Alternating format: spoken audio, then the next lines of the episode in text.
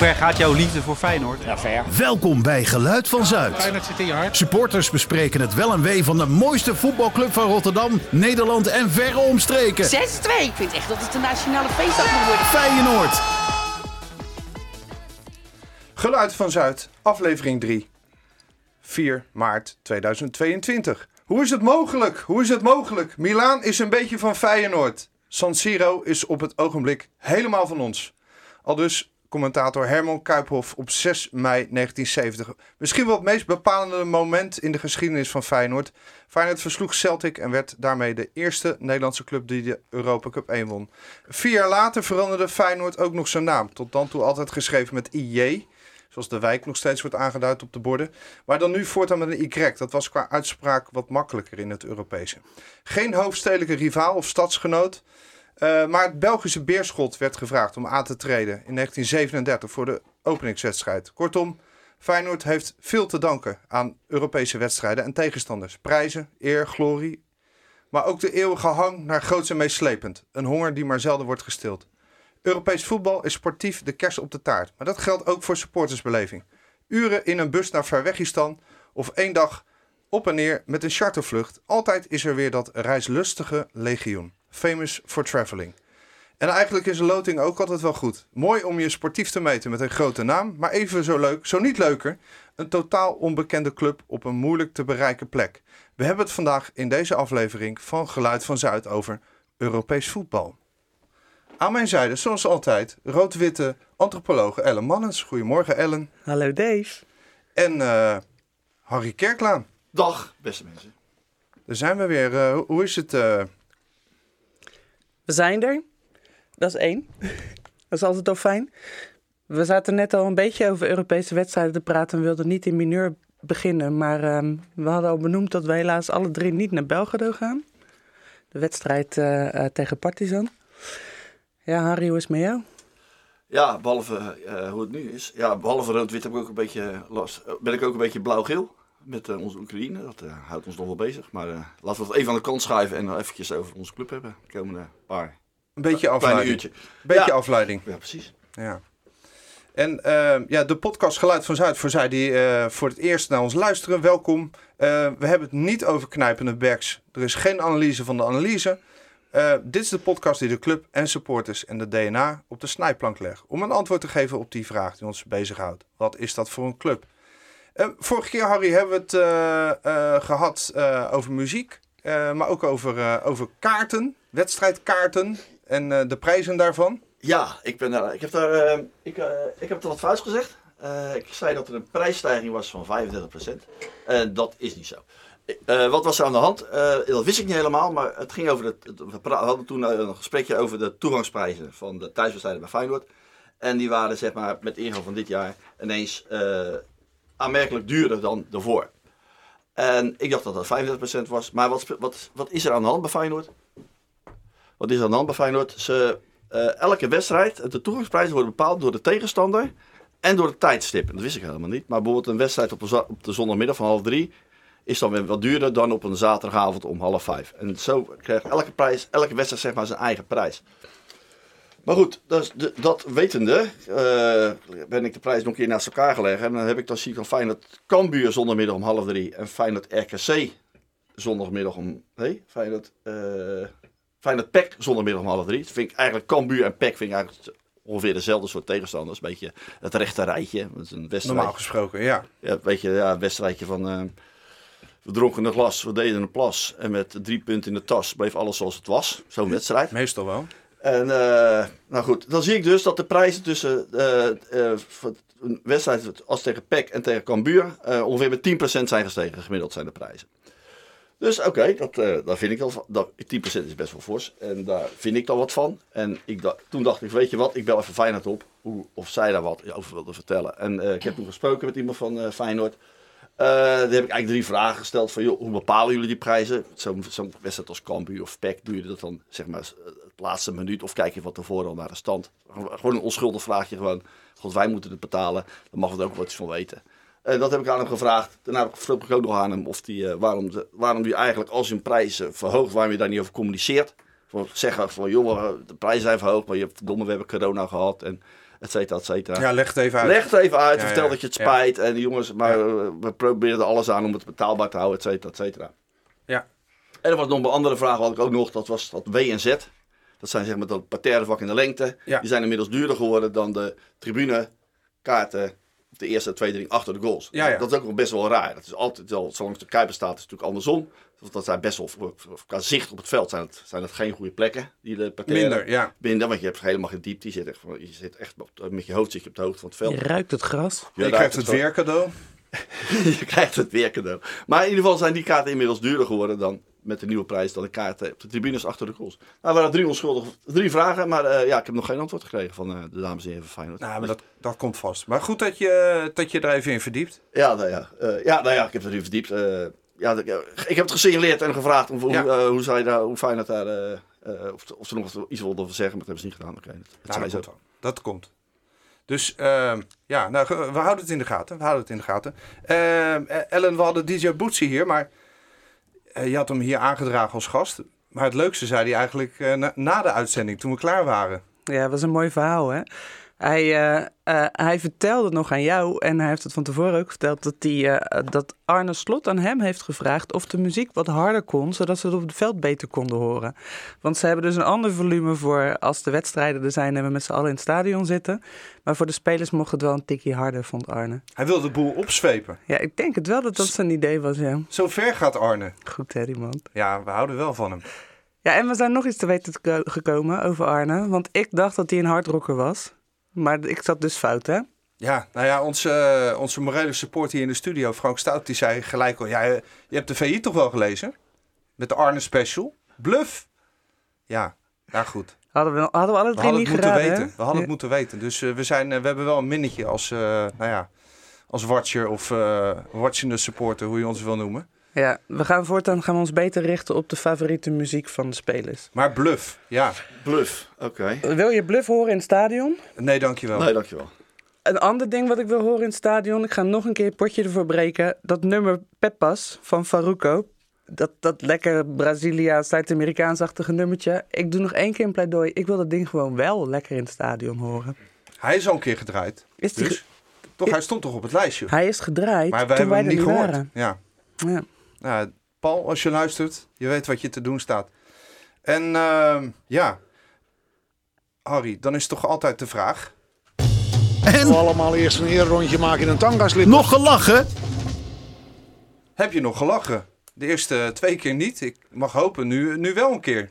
Eh, nee, ik heb, ja, nu, nu, hij lacht. Hij lacht. ik heb wel gelachen voor mezelf dan. Oké. Ik heb weer niet gelachen. Ja. Nee, wat ik, ik, een, ding, een grappig dingetje vond ik. Eh, we gaan even 20 jaar terug in de tijd.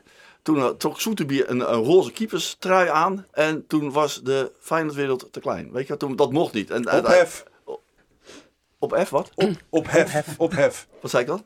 Nee, ik zei ophef. Ophef. Het was ophef. Het was ophef ook. Ja, Nou, uiteindelijk, ophef. heeft, uiteindelijk heeft Soeterbier dat ding één keer aangetrokken en eh, daarna nooit meer. Want dat mocht niet van ons. En nu, zijn we 20 jaar verder. En dan zat Bijlo gewoon in een compleet roze pak. Ja, maar roze met paars zelfs. Dus een paasei kleur.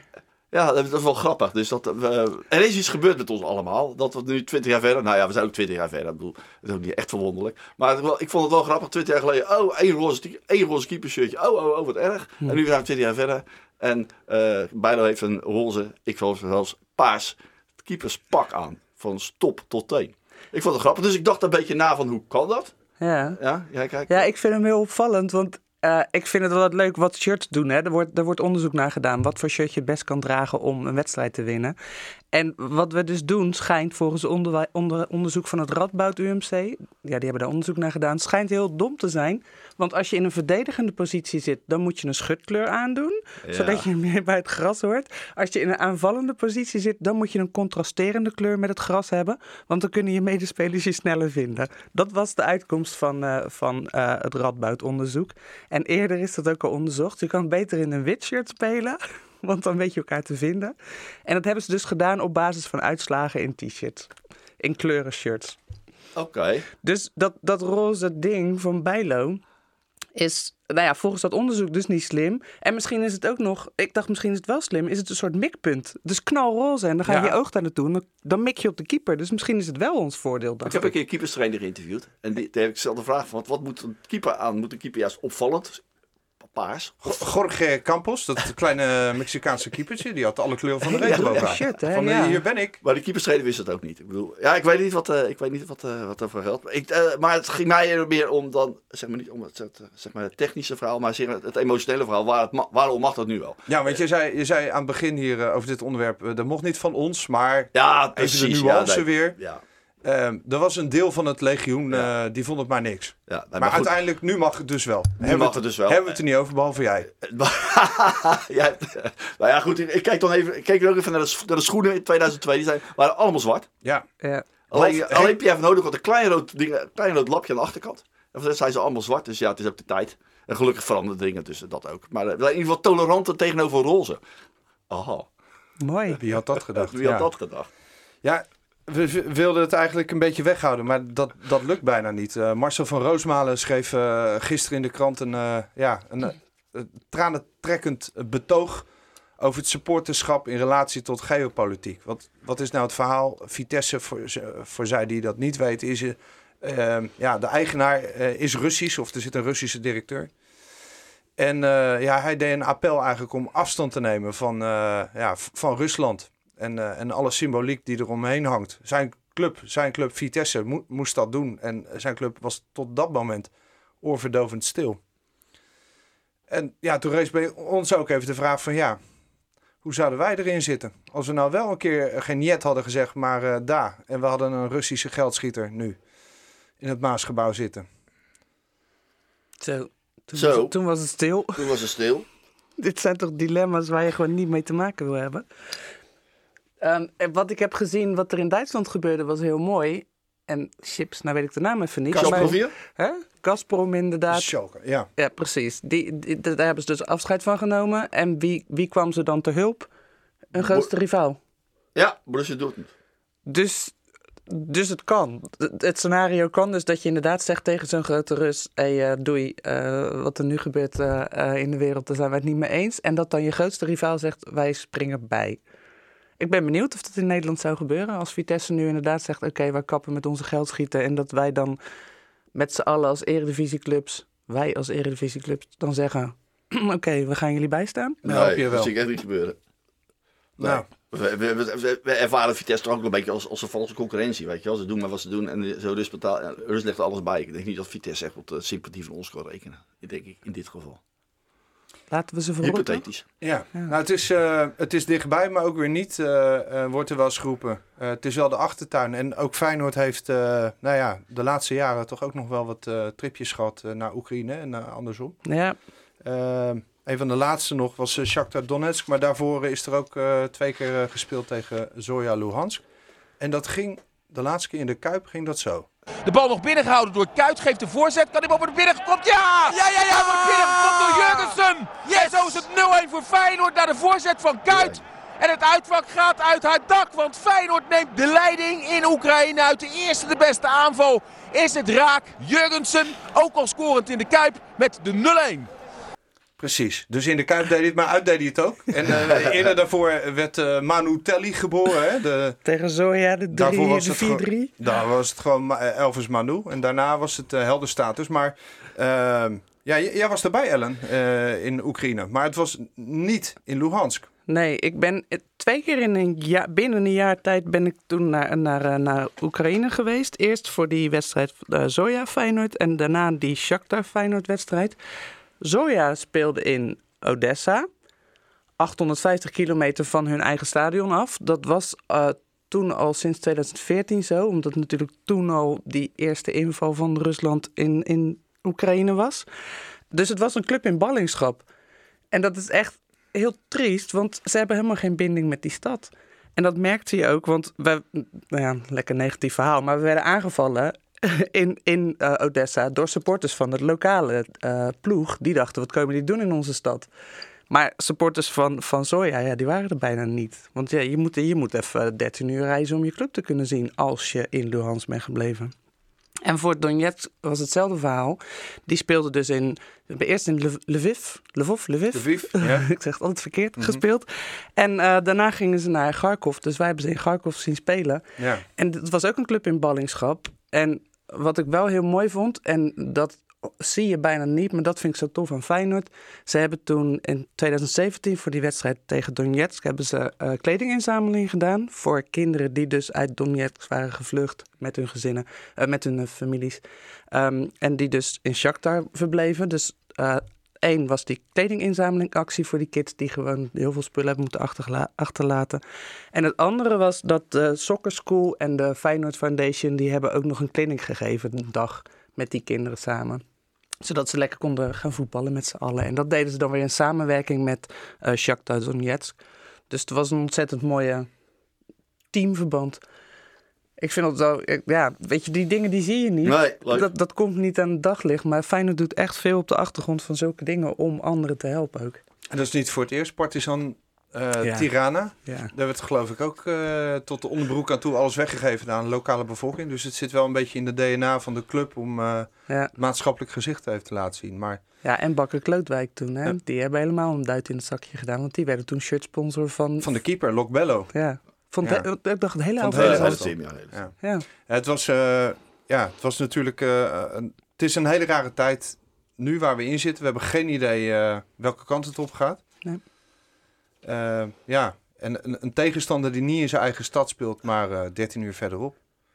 ja, het was naar. Ik vond het echt naar. Want het speelde ook niet in de... De wedstrijd speelde niet. Weet je wel, wij komen er naartoe. Yes, we hebben weer een leuk tripje.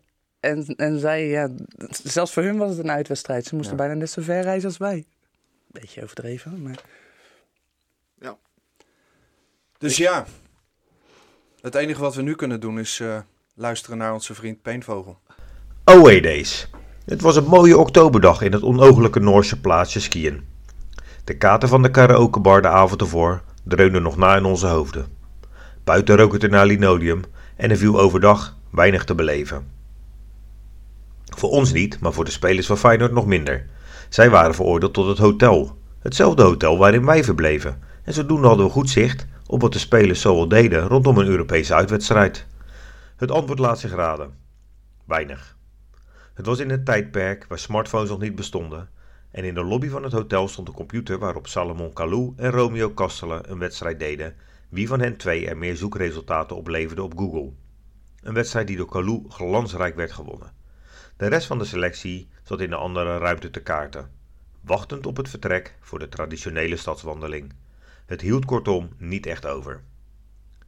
Onze middagbesteding was wat Feyenoord supporters overal in Europa doen sinds de beslissingswedstrijd tegen Vassas Budapest in Antwerpen en de Exodus met de Grote Beer en de Waterman een jaar later. Wij maakten foto's van een kerk en een monument, hingen onze vlaggen aan een standbeeld en spendeerden de rest van onze tijd in de kroeg.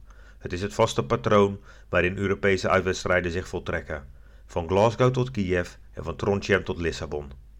Een patroon waarbij goedkope vliegreizen, loesje taxichauffeurs, schimmige hotels en vage nachtclubs horen. De opwinding en ontploffende WhatsApp-groepen naar de loting. Ga jij ook? Hoe gaan we? Hoe lang gaan we? Eenmaal terug in het hotel in Noorwegen stond de selectie op het punt om te vertrekken naar het stadion. Pascal Bosgaard knoopte een praatje aan om te vragen hoeveel ons dit alles nou gekost had en Bart Goor liep met een grote boog om ons heen. In het kleine stadionnetje deed Feyenoord iets wat ze niet vaak doen in een Europese uitwedstrijd. Namelijk winnen. Nodeloos om te vermelden dat wij dat tot in de kleine uurtjes in de karaokebar gevierd hebben. Tja, was getekend eh, Jeroen Koot. Peenvogel, volg hem op Twitter. ja, Eh, wij kunnen we ophouden nou. Hij heeft gewoon in één kolom samengevat wat Europees uit is. Ja. De schimmige hotels, de goedkope vliegtickets, de ontploffende appgroeps. Hij is zo raak. Een eh, vlaggetje ophangen op een, eh, op een plein. Vlaggetje op een standbeeld, klaar, we zijn er. Stickers, stickers. Dat is het. Maar je moet ook nog naar die wedstrijd dan. Einde van de middag. Irritant hè? Ja. Vind je niet? Ja. ik heb dat echt. Wij noemen dat met, eh, met, met het clubje waarmee ik ga, noemen we het een hinderlijke onderbreking van een gezellig midweekje weg. Ja. Ik weet nog dat we in Shakhtar zaten we... eh, sorry, voor de wedstrijd tegen Shakhtar zaten we in een heel vaag... eh, groot vleesschuur zaten we te eten. En er werd net een varken aan het pit, echt een compleet varken binnengedragen met een hoop vertoon en buikdanseres. En dat varken stond in de fik. En wij echt, shit, we moeten naar de wedstrijd. Dat, dat maak je alleen maar met Europese uitwedstrijden mee. Tenminste, ik. Ik heb het in Rotterdam nog niet meegemaakt. Grappig, grappig. Ik, ik heb iets anders over naar aanleiding van de Peenvogels en eh, zijn column. Ik hoorde vertellen over eh, de Waterman en, eh, en eh, de grote beer die naar de Lissabon gingen. En de, en, en de wedstrijd tegen Fazels Boedapest. Er is een jaar of, ik ga even een beetje of de, van het onderwerp af, maar dat maakt even niet uit. Gaan we zo wel weer terug. Nee, een jaar of vijf, zes geleden had je de documentaire De Geboorte van het Legioen. En dat suggereerde eigenlijk dat daar met die, de, de tocht naar Lissabon heen en weer, die trouwens hier vandaan vertrok, vanaf de Lloydpier, Lloydkade, ehm, dat, dat dan het legioen eh, is geboren. Maar dat, is, dat geloofde ik al niet. En uiteindelijk, ik ging dat eens eventjes uitzoeken. En als je dus de krantenartikelen leest over de wedstrijd tegen uh, Vasels Boedapest, de beslissingswedstrijd in Antwerpen, die, die, die Peenvogel ook noemde, er waren 30 à 40.000 Feyenoord supporters. En als je dan de, dat was een, echt een, een evenement, dat, een gebeurtenis die echt eh, eh, nog nooit eerder, er waren nog nooit eerder zoveel supporters met de club meegereisd in Nederland.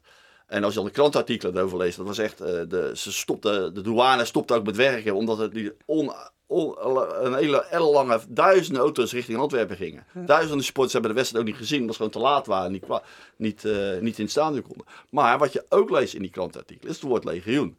Ik, even uit mijn hoofd, ik, eh, het, vrije, het Algemeen Dagblad had over een laaiend legioen. En de Volkskrant over, over, het- over het Feyenoord legioen. Nou, als, zeg maar, als twee kranten alleen al allebei het woord legioen gebruiken, dan suggereert er gewoon namelijk dat het woord, dat woord al bestond. Is het, maar is het dus niet voor het eerst dat het woord werd gebruikt? Nee, nee, Toen want ik- met die Anderlecht-wedstrijd. De- In Antwerpen, nee, als, kijk, als twee kranten allebei Oh, het woord legioen gebruiken, dan ga ik ervan uit dat dat woord al bestond. Ja, En, dan, en, dan, en als dan een paar mensen in, uit Hilversum een documentaire maken over Feyenoord, dus ze noemen dat het geboorte van het legioen. Maar dat was een half jaar later. Dat was twee rondes later. Ja, maar zij hebben hem ook weer gekopieerd, hè? want het is al vaker zo genoemd, geloof ik. Ja, dat is al Het onterecht. Ja, dat goed, Ja. omdat ze, ze moeten wel hun huiswerk doen. Het woord legioen bestond al. Ja. Dus dat geboorte van het legioen is helemaal niet zo. Want er waren nog 500 mensen en er gingen er 30 à 40.000 naar Antwerpen. Het waren er weinig, hè? Dat vond ik ook zo Nou ja, grappig, inderdaad. Het was peperduur. hè. Het was 800 euro. 800 gulden kostte het. Ja, Dat was maar- bijna een maandsalaris. Daar werd wel de hele tijd hand in hand op een orgeltje gespeeld. Korstijn op het orgel. Ja, Ja. het figuur als Sorry Krijkamp staat er ook tussen natuurlijk. Die hebben gewoon Ja. helemaal niks met Feyenoord. Het was eigenlijk gewoon een VIP-tripje. Het was absoluut een VIP-tripje. Absoluut. Niet de, de havenarbeider zat waarschijnlijk niet op die boot. Maar het was sowieso toen, weet je, jaren 60, zelfs nog begin jaren 70, was het gewoon nog wel een redelijk VIP-uitje als jij eh, Europees uitging. Want wie had er nou gevlogen voordat ze naar Milaan gingen, bijvoorbeeld? Ja, ja dat is zo. Dat is zo. Dat- Dan ging men met de trein. Precies. En dan jatte je daarna dat treinbord eraf. Dat is een collectors item, man. Wel een, een, een grappig dingetje over die wedstrijd. Eh, Die krantartikelen eh, heb ik al gelezen, vast als Boedapest. De, het waren de 30, 40.000 Feyenoorders. Toen zongen we nog hand in hand kameraden. We zongen het nog, nu schreeuwen we het. Maar toen zongen ze het nog. En dat klonk zo mooi, dat de scheidsrechter die stop, liet eerst het legioen uitzingen. En toen floot hij pas voor het begin zingen. Echt waar? Ja. Dat wist ik niet. Nee, Dat tegenwoordig stond- rappen we dan bijna. Ja, maar tegenwoordig legt hij, eh, legt hij de wedstrijd stil als er wordt gezongen. Oh, oh. Wat hoor ik nou? Wat hoor ik nou? Stop eens jongens. hey, maar zo'n reis boeken. eh, ja, ik ben wel eh, even benieuwd eh, naar jullie aanbevelingen, de do's en don'ts. Ik eh, zat vorige week, eh, toen die loting eh, gaande was, eh, klaar met allerlei websites en laptops en, eh, en dingen meer. Om maar gelijk een reis eh, te boeken. En er waren een paar slimmerikken, die hadden gelijk een korte route. Maar ja, ik kwam niet heel veel verder dan eh, eh, één of twee keer overstappen, elf uur. En die prijzen die, die vlogen omhoog binnen no time. Ja, het is heel irritant. Ik had hem inderdaad ook klaarstaan zodra het balletje AZ eruit getrokken werd. Dacht ik, oké, wij weten welke we hebben. Dus ik had, ik had mijn ticket al klaarstaan en ik druk op boeken. Hij was 250 euro op dat moment. Ticket naar Belgrado, ik boek, ik klap eruit. En ik voer hem nog een keer in en eh, de prijs is al verdubbeld. Lang leven het algoritme. Ik, Gaat snel hè dan. ja, ik denk dat al die vliegmaatschappijen heel blij zijn met Europese uitwedstrijden. Dan vliegen die prijzen weer omhoog. Dat is Er gebeurt weer wat. Ja. Ja. En de FSV zou nog, dat, daar had ik ook nog wel eh, wat hoop op gevestigd. Een charter regelen heen en weer, één dagje. Ja. Maar die, eh, ja, dat is niet gelukt. De Nee. kist was wel beschikbaar, maar eh, geen personeel. Dus toen dacht ik, moeten wij niet gewoon Wim Lex weer even bellen? De King. Dat hij even vliegt. Ja, dat heeft hij vorige keer ook goed gedaan. En dan Maxima als stewardess, want dat was het probleem. Ze hadden geen stew- stewards en stewardessen. Ja, nou ja. Dat, oh, ja, ik weet niet. eh, ja, hij heeft een brevet, zij niet. Dus Ja, lastig. Ja, dat, eh, maar goed, eh, weer in alle serieusheid terug. Ja, de manier van reizen naar zo'n wedstrijd. Ja, te land, te zee en in de lucht. En met de fiets. En met de fiets. Kan ook. Hoe Ken- dan? Kennen jullie Brenda? Brenda Pipi, Pipi Lankhuis, met die grote pipi op de Ja. rug Nou ja, ik ken getatoeëerd. het niet, maar ik weet wat het is. De- de- precies. Je, kan, je kon moeilijk om nog heen altijd. Ehm, zij heeft het dus geflikt. Ik weet niet meer of het 99 of 2002 was. Maar die is op de fiets is ze naar Belfast gegaan. Want eh, Feyenoord eh, speelde daar eh, een wedstrijdje. Oefenwedstrijdje hè, was het gewoon. Eh, en zij dacht, ik ga fietsen. Want ze, ze zat, niet zo, eh, ze had niet zoveel centen, denk ik. En het is gewoon een leuk, het is gewoon een avonturier. Dus wat doet ze? Ze stapt op de fiets. Neemt geen kaart mee, geen GPS, had je allemaal nog niet. Dus die is gewoon letterlijk onderweg gaan vragen, which way to Belfast? dus iedereen heeft haar de weg gewezen. Ze kwam in Liverpool. Heeft ze nog even staan feesten met Liverpool supporters. Die hebben haar uitgezwaaid op de kade. En eh, ze is dus uiteindelijk fiets, fiets, fiets doorgereden. Was op tijd bij de wedstrijd. Alleen had ze een probleempje. De fiets was best wel heel erg duur en het was haar vervoermiddel natuurlijk. Dus ze stond uit de pielen voor het stadion en toen zei ze, ehm, mag ik hem mee naar binnen nemen? Dus uiteindelijk heeft ze, zij met de fiets samen op de tribune gestaan om die wedstrijd te kijken. Geweldig verhaal. Ze, houdt, ze houdt wel van het voetbal. Hoe lang zou ze onderweg geweest zijn? Oh jeetje, even kijken of ik het heb opgeschreven. Nee, ik heb het niet meer opgeschreven. Damn. Nou, Ja. wat, wat denken jullie? Fietsen naar Belfast? Poeh. Ja, Dagje of vijf? ja. Moet, Ja. eh, Twee keer met een boot. twee keer wachten. ja. En veel regen misschien onderweg? Ja. Ja, hoort er allemaal bij hè? Bikkelen, hè? Gewoon doorgaan. Hup. Ja, maar zij krijgt wel een beloning daarvoor. Dat is het leuke. Want omdat zij dus altijd bij die gekste oefenwedstrijden is, kennen de spelers haar. Dus op een gegeven moment had ze een gesprekje met eh, Van Hooijdonk en met ehm eh, Paultje Bosveld. En hadden ze het over die tato op de rug. En toen zei ze, ga je nog verder ermee? Ze zei, ja, ik wil wel een skylijntje erop hebben. Maar ja, hij moet weer even sparen. Dus wat doet, als het goed is, Paul Bosveld of eh, Van Gastel kan het ook geweest zijn. Die beheerde de spelerspot. Dus die ging even rond bij alle spelers. En die zei, hé, hey, Brenda wil een skylijntje. Kunnen jullie even doneren? En inderdaad, en Van Hooijdonk was erbij. En volgens mij Bosveld toen die gezet werd uiteindelijk. Leuk verhaal. Ja, Dat is, eh, toen je nog dicht bij de spelers kon komen. ja, dat is nu niet meer denkbaar, toch? Nee, maar waren ook goede gasten, Bosveld en Hooydonk. We waren gewoon normale gasten. Zo, wel- ja, zo- Benaderbaar. benaderbaar gewoon. Ja. Ja. Zoals, wij, zoals wij zijn, Ja. denk ik. Maar misschien ook, Zeg ik dat een beetje raar? Ja. ja, Maar- is, is het voor, voor supporters ook en ook voor de media allemaal wat meer op afstand hè, tegenwoordig? Ja, zonde? Corona heeft ook niet geholpen. Nou ja, dat zal inderdaad wel een bijdrage zijn. Want er is af en toe nog wel contact. Want Cyril Dessers is pas op eigen initiatief even langs geweest bij, eh, bij een supporter die ziek was bijvoorbeeld. Weet je wat Cyril Dessers ook deed? Met eh Reese Nelson op de rand van het doelgebied. Nelson zorgt ervoor dat Feyenoord in balbezit blijft. Heeft hij goed gedaan. Dan Geertruida werpt hem erin. Naar Dessers. Dessers! Ja! Ja, ja, ja, ja, ja! Oh man. Cyril Dessers met de kopbal in blessuretijd in Praag. 2-2. Tweede slecht voor je leuk, hart. En wij worden helemaal gek. Nou, dat, dat was te horen. Wij ook. Ja, Oh man, wat was Oh. dat lekker. even Praag op zijn kop gezet, die eh, Cyril. Maar nee, eh, voordat we het daarover hebben, een eh, bijzonder sympathieke actie van Cyril. Die Ja. ging eh, bij een supporter op bezoek. Ja, die ziek was. Ja, ik kan er niet meer van maken. Lees, lees het in hand in hand. Komende hand in hand staat het hele verhaal. dat weet ik wel. ja, Is hij weer beter, die supporter? Tuurlijk, in Ah, één keer. ja. Dat is de magische werking. Ja, dat, dat doen wij. Dat, doen- dat doen spelers met, eh, met supporters. Maar dit doelpunt, man. Dit was. Dit, dit was zo vet. Want dat was ook het moment dat in Nederland de stadions al dicht waren. Hè? We Ja. mochten toen Ja. niet meer naar het voetbal.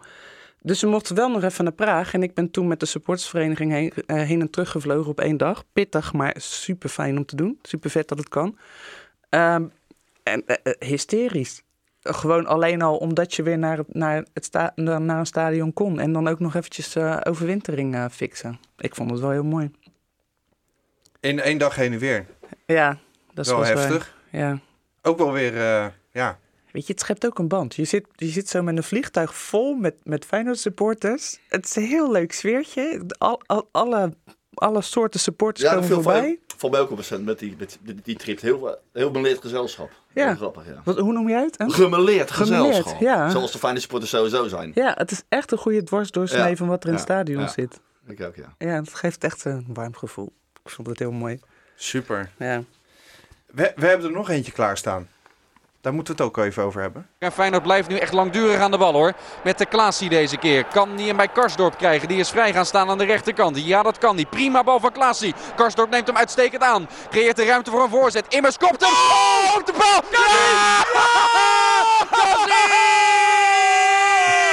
De gelijkmaker van Feyenoord. Colin Kazim Richards!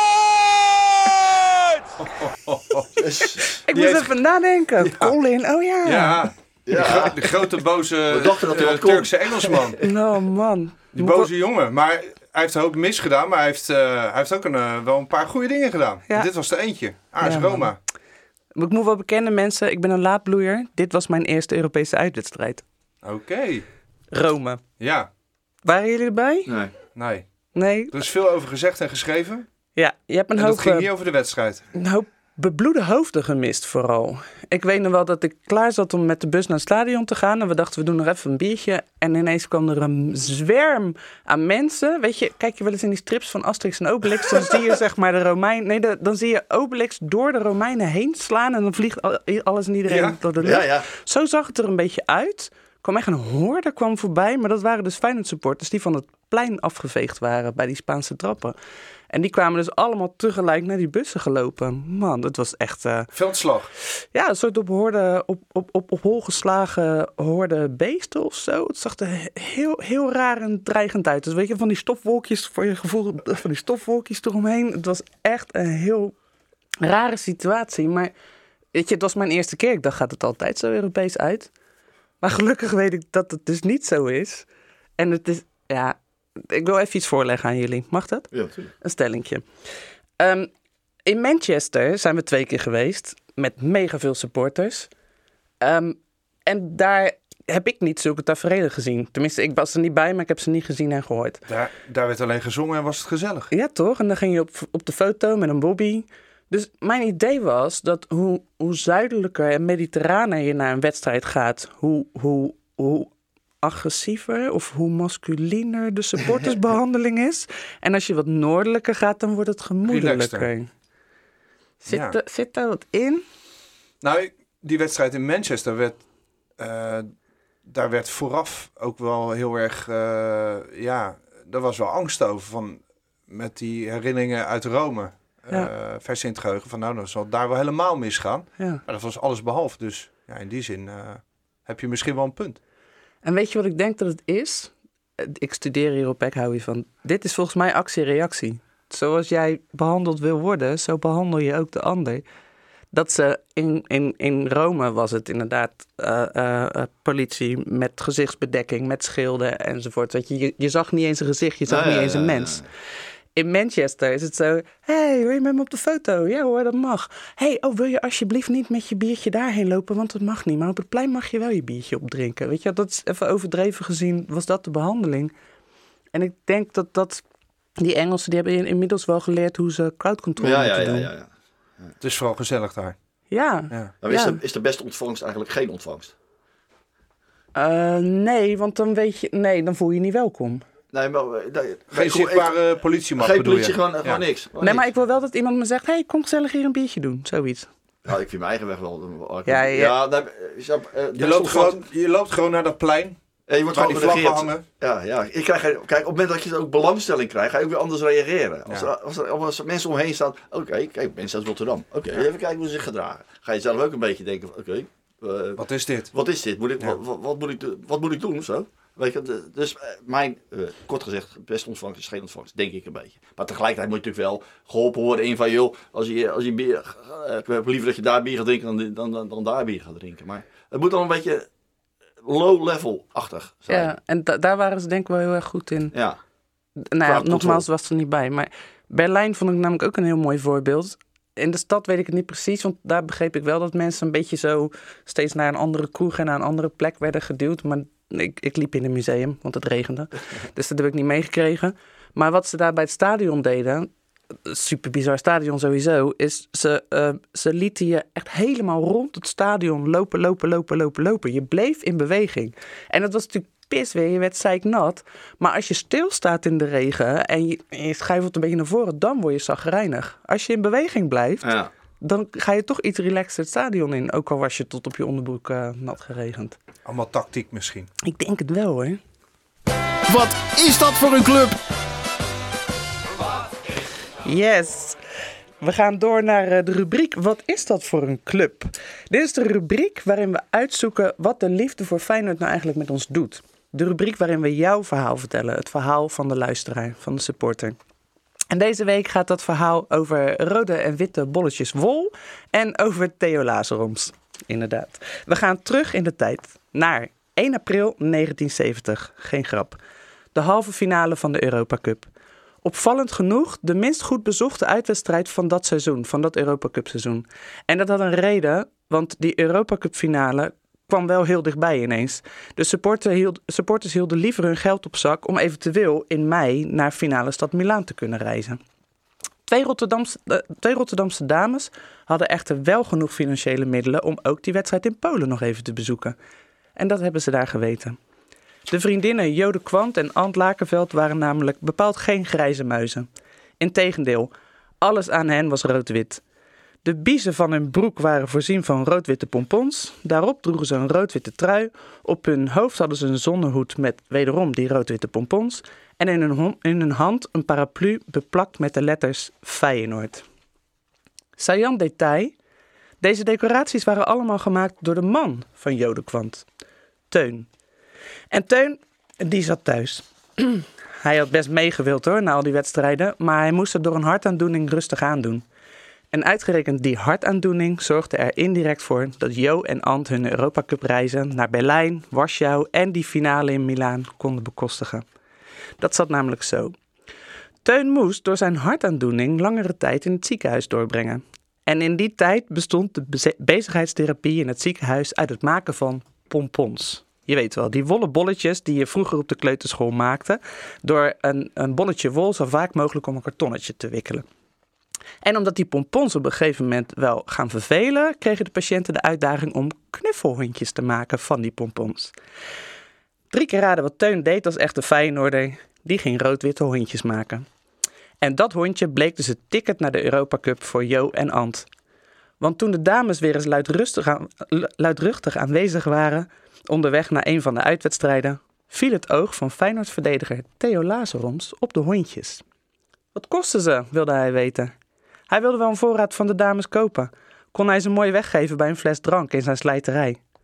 Dus vanaf die dag lagen de huizen van Ant en Jo vol met rode en witte wol. Het hele gezin sloeg aan het wikkelen. En als met al die hondjes op de vloer het woord Feyenoord gespeld kon worden, kregen de kinderen een zak patat en hadden Ant en Jo een ticket naar de volgende uitwedstrijd verdiend. Dus zo waren ze er ook bij op 6 mei. Op hun knietjes, op het Piazza del Duomo, gebogen over een rood-witte vlag, want die moest worden ingezegend voor een goede afloop. 6 mei 1970 werd natuurlijk de avond van hun leven. Opeens met je na.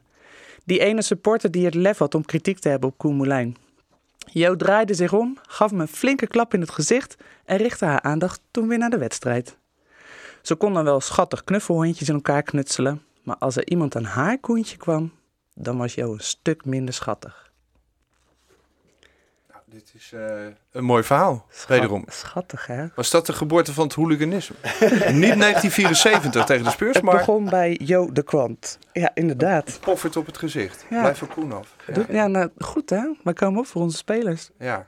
Hey, en heb jij nou ook een verhaal als luisteraar over de liefde voor je club? De raarste dingen die jij hebt gedaan uit de liefde voor je club? Dan horen we dat natuurlijk graag. Zeker. Mail je verhaal naar geluidvanzuid.gmail.com onder vermelding van... Wat is dat voor een club? Nou, mooi. Piazza del Duomo. 19... Nee, wat was het? 2002. Ja, dat waren we er weer. Soort, ja, dat was, ja, dat was een soort bedevaartsreis voor heel veel supporters. Ja. Ik heb daar toen ook veel supporters gezien uh, ja, van een leeftijd dat ik dacht, nou, die was er misschien wel bij. En ja, in 1970 en dan uh, weer de terugkeer, 32 jaar later. Over Kienval was er ook, volgens mij op uitnodiging van, uh, van Rijnmond, als ik het goed heb. En Peter Houtman liep daar rond, ook op dat plein, wat nou ja, natuurlijk prachtig is. En aan het einde van de middag was dat helemaal vol met blikjes. Mooi hè? Het is, dus ja. Je, maar jij was er dus Ik was er wel bij, ja. Ja, met de auto heen getuft. Geniaal. Heb je, ben je ook in dat uh, beeld geklommen? Dat moest natuurlijk ook hè?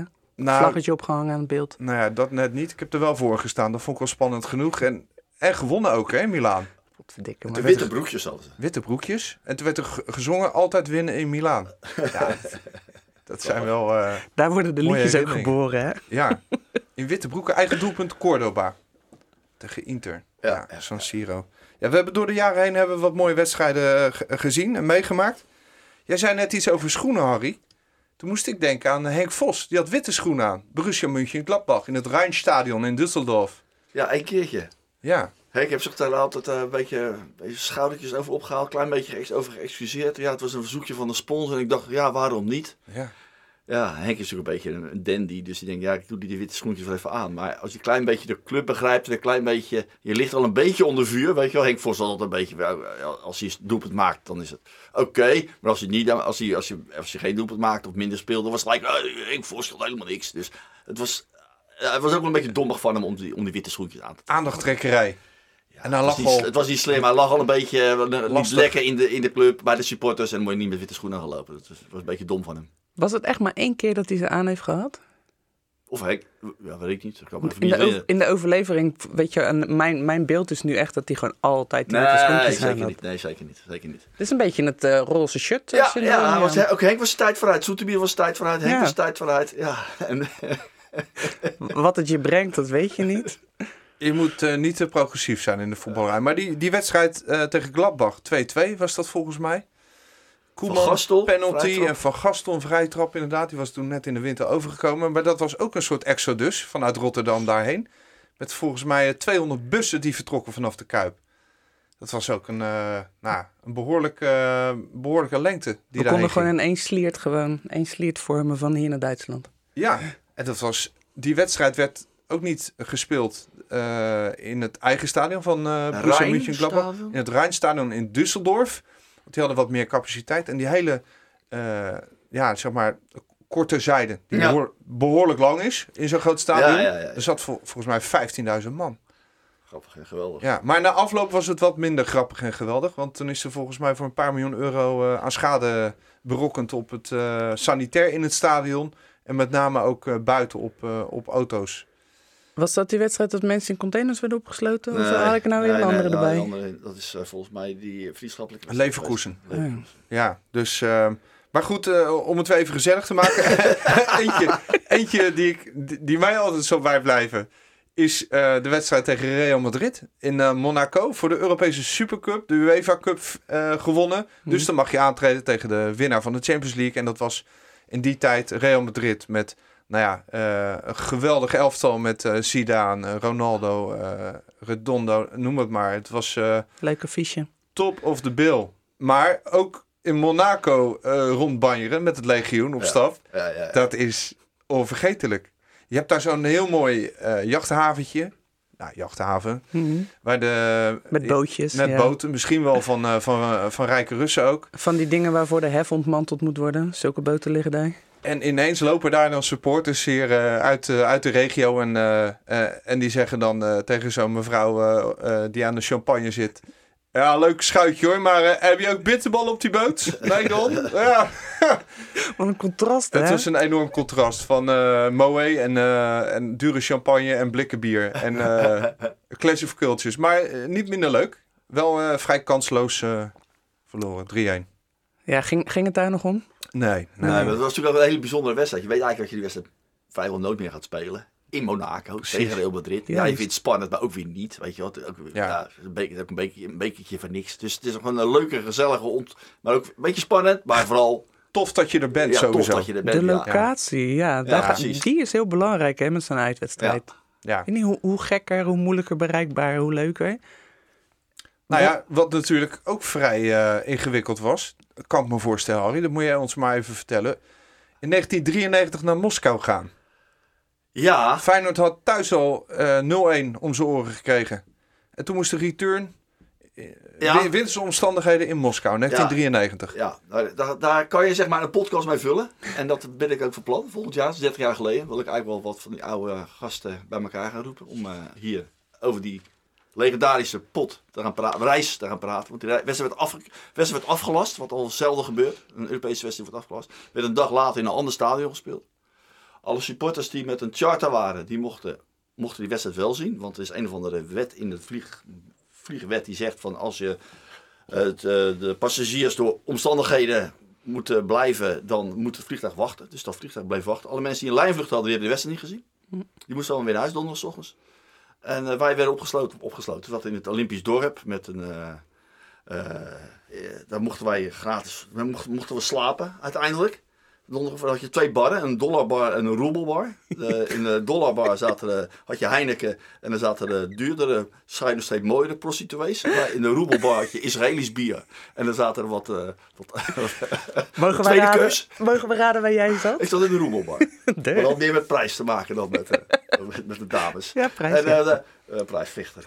En eh, nou, het was een legendarische wedstrijd. En eh, eh, dat Moskou, dat was, het was rond deze tijd. Was, de sneeuw was allemaal zwart aan het worden. Mensen stonden langs de weg een deurmat te verkopen. Of een, deur, of een vliegen. Of een, eh, deur, een deurmat te verkopen. Het was echt geweldig. Het was echt Ja, want die wedstrijd werd dus afgelast omdat het veld gewoon knalhard Ja, was. met hè? helikopters boven gevlogen om dat, eh, meer leeg, om, om dat droog te maken. en Zo. Allemaal gekkigheid. Het leger werd ingezet. Ja, daar zijn, daar zijn hele mooie foto's ook van. Ja, Echt legendarische pot. Legendarische reis. En dat, ik denk dat als met een paar mannen bij elkaar zitten, dat dat wel drie kwartier vol praten erover. Maar goed, dat is volgend jaar pas. Bevroren velden, daar zijn we ook goed in hoor. Feyenoord is gewoon op bevroren velden Europees kampioen. eh, heeft gewoon de Europa Cup gewonnen. In, wat was het? Eh, In Berlijn bij voorwaarts was het veld compleet bevroren. Hebben ze maar zand op gegooid, Ja. zodat je een beetje grip kreeg. In, eh in Warschau was het eh één grote modderbende omdat het net begon te dooien. Nou, dan jij, wat, wat, is die, wat was die uitslag eigenlijk in Moskou? 3-1, rode kaart Kieprits. Hopla, uit zijn hoofd. Die trok zijn schoen uit. Die werd volgens mij pislink. Ja, wij zaten, ik kan me niet herinneren, wij zitten, wij, we zitten een Of was dat Saragossa? Saragossa werd die boos. Maar het was wel verliezen. Sparta Ja, we hebben toen. verloren. Ja. En volgens mij was het ook Kieprits, ja, die, maar die scoorde ook Kieprits volgens mij. Maar weet je, we, we- al- het is natuurlijk wel het leed dat Feyenoord, wat Feyenoord Sport heet. We zaten natuurlijk in zo'n eh, zo'n eh, tribune achter de goal. En dan, dan krijg je die wedstrijd bijna niet mee, joh. Nee. Zeker niet op de overkant van het veld gebeurt. En je had toen ook nog niet social media waar alles eh, tot in een treuren herhaald werd natuurlijk. Nee, nee, nee, ik dacht dat niet. Nee, Maar je had geen visumprobleem of zo toen? weet ik niet meer. Hoeveel mensen gingen erheen, Harry? Want het was in, in de tijd dat je niet per se eh, voor een wedstrijdje zomaar het vliegtuig pakte. Wij gingen met een charter. Ja. En eh, ik denk een paar honderd, was helemaal misschien duizend. Ik weet niet wat. Ja, dat, is een beetje, dat weet je natuurlijk nooit, omdat er een heleboel supporters alweer in huis waren. Ik weet nog, wel, er kwam een kerel uit, eh, ik kwam nog een kerel tegen die ik kende. Die had eh, uiteindelijk het, het kostuum van een Russische soldaat gekocht. Lekker Nou ja. warm, slim. En, maar die, die, die man die heeft bijvoorbeeld ook die wedstrijd niet gezien. Die ging donderdags weer terug. Oh Dus ja. hoeveel, Oh ja. dat- hoeveel uiteindelijk zijn, hoeveel uiteindelijk er waren, ja, dat weet ik niet. Dat weet ik niet. Maar, bij, maar wij supporters kennende eh, gaan met het getal altijd lekker ruim om. Nou, ik ken inderdaad ook. Ik heb een keer de hele reis. eh, wat was dat? Volgens mij was dat vanuit Odessa. Heb ik tussen twee supporters ingezeten die in Moskou waren. Die in mijn oren hebben zitten tetteren. En hebben verteld hoe ze inderdaad last minute nog vlucht hebben eh, kunnen omboeken. Hotelkamers kunnen bijboeken. Om inderdaad alsnog bij die wedstrijd te kunnen zijn. En mensen bij elkaar op de grond in de kamer slapen. Die dus ook geen hotel meer hadden. Ja. Het, het schepte wel een band. We mij. moeten wat voor over hebben. Uh, Geweldig. lepeltje, lepeltje.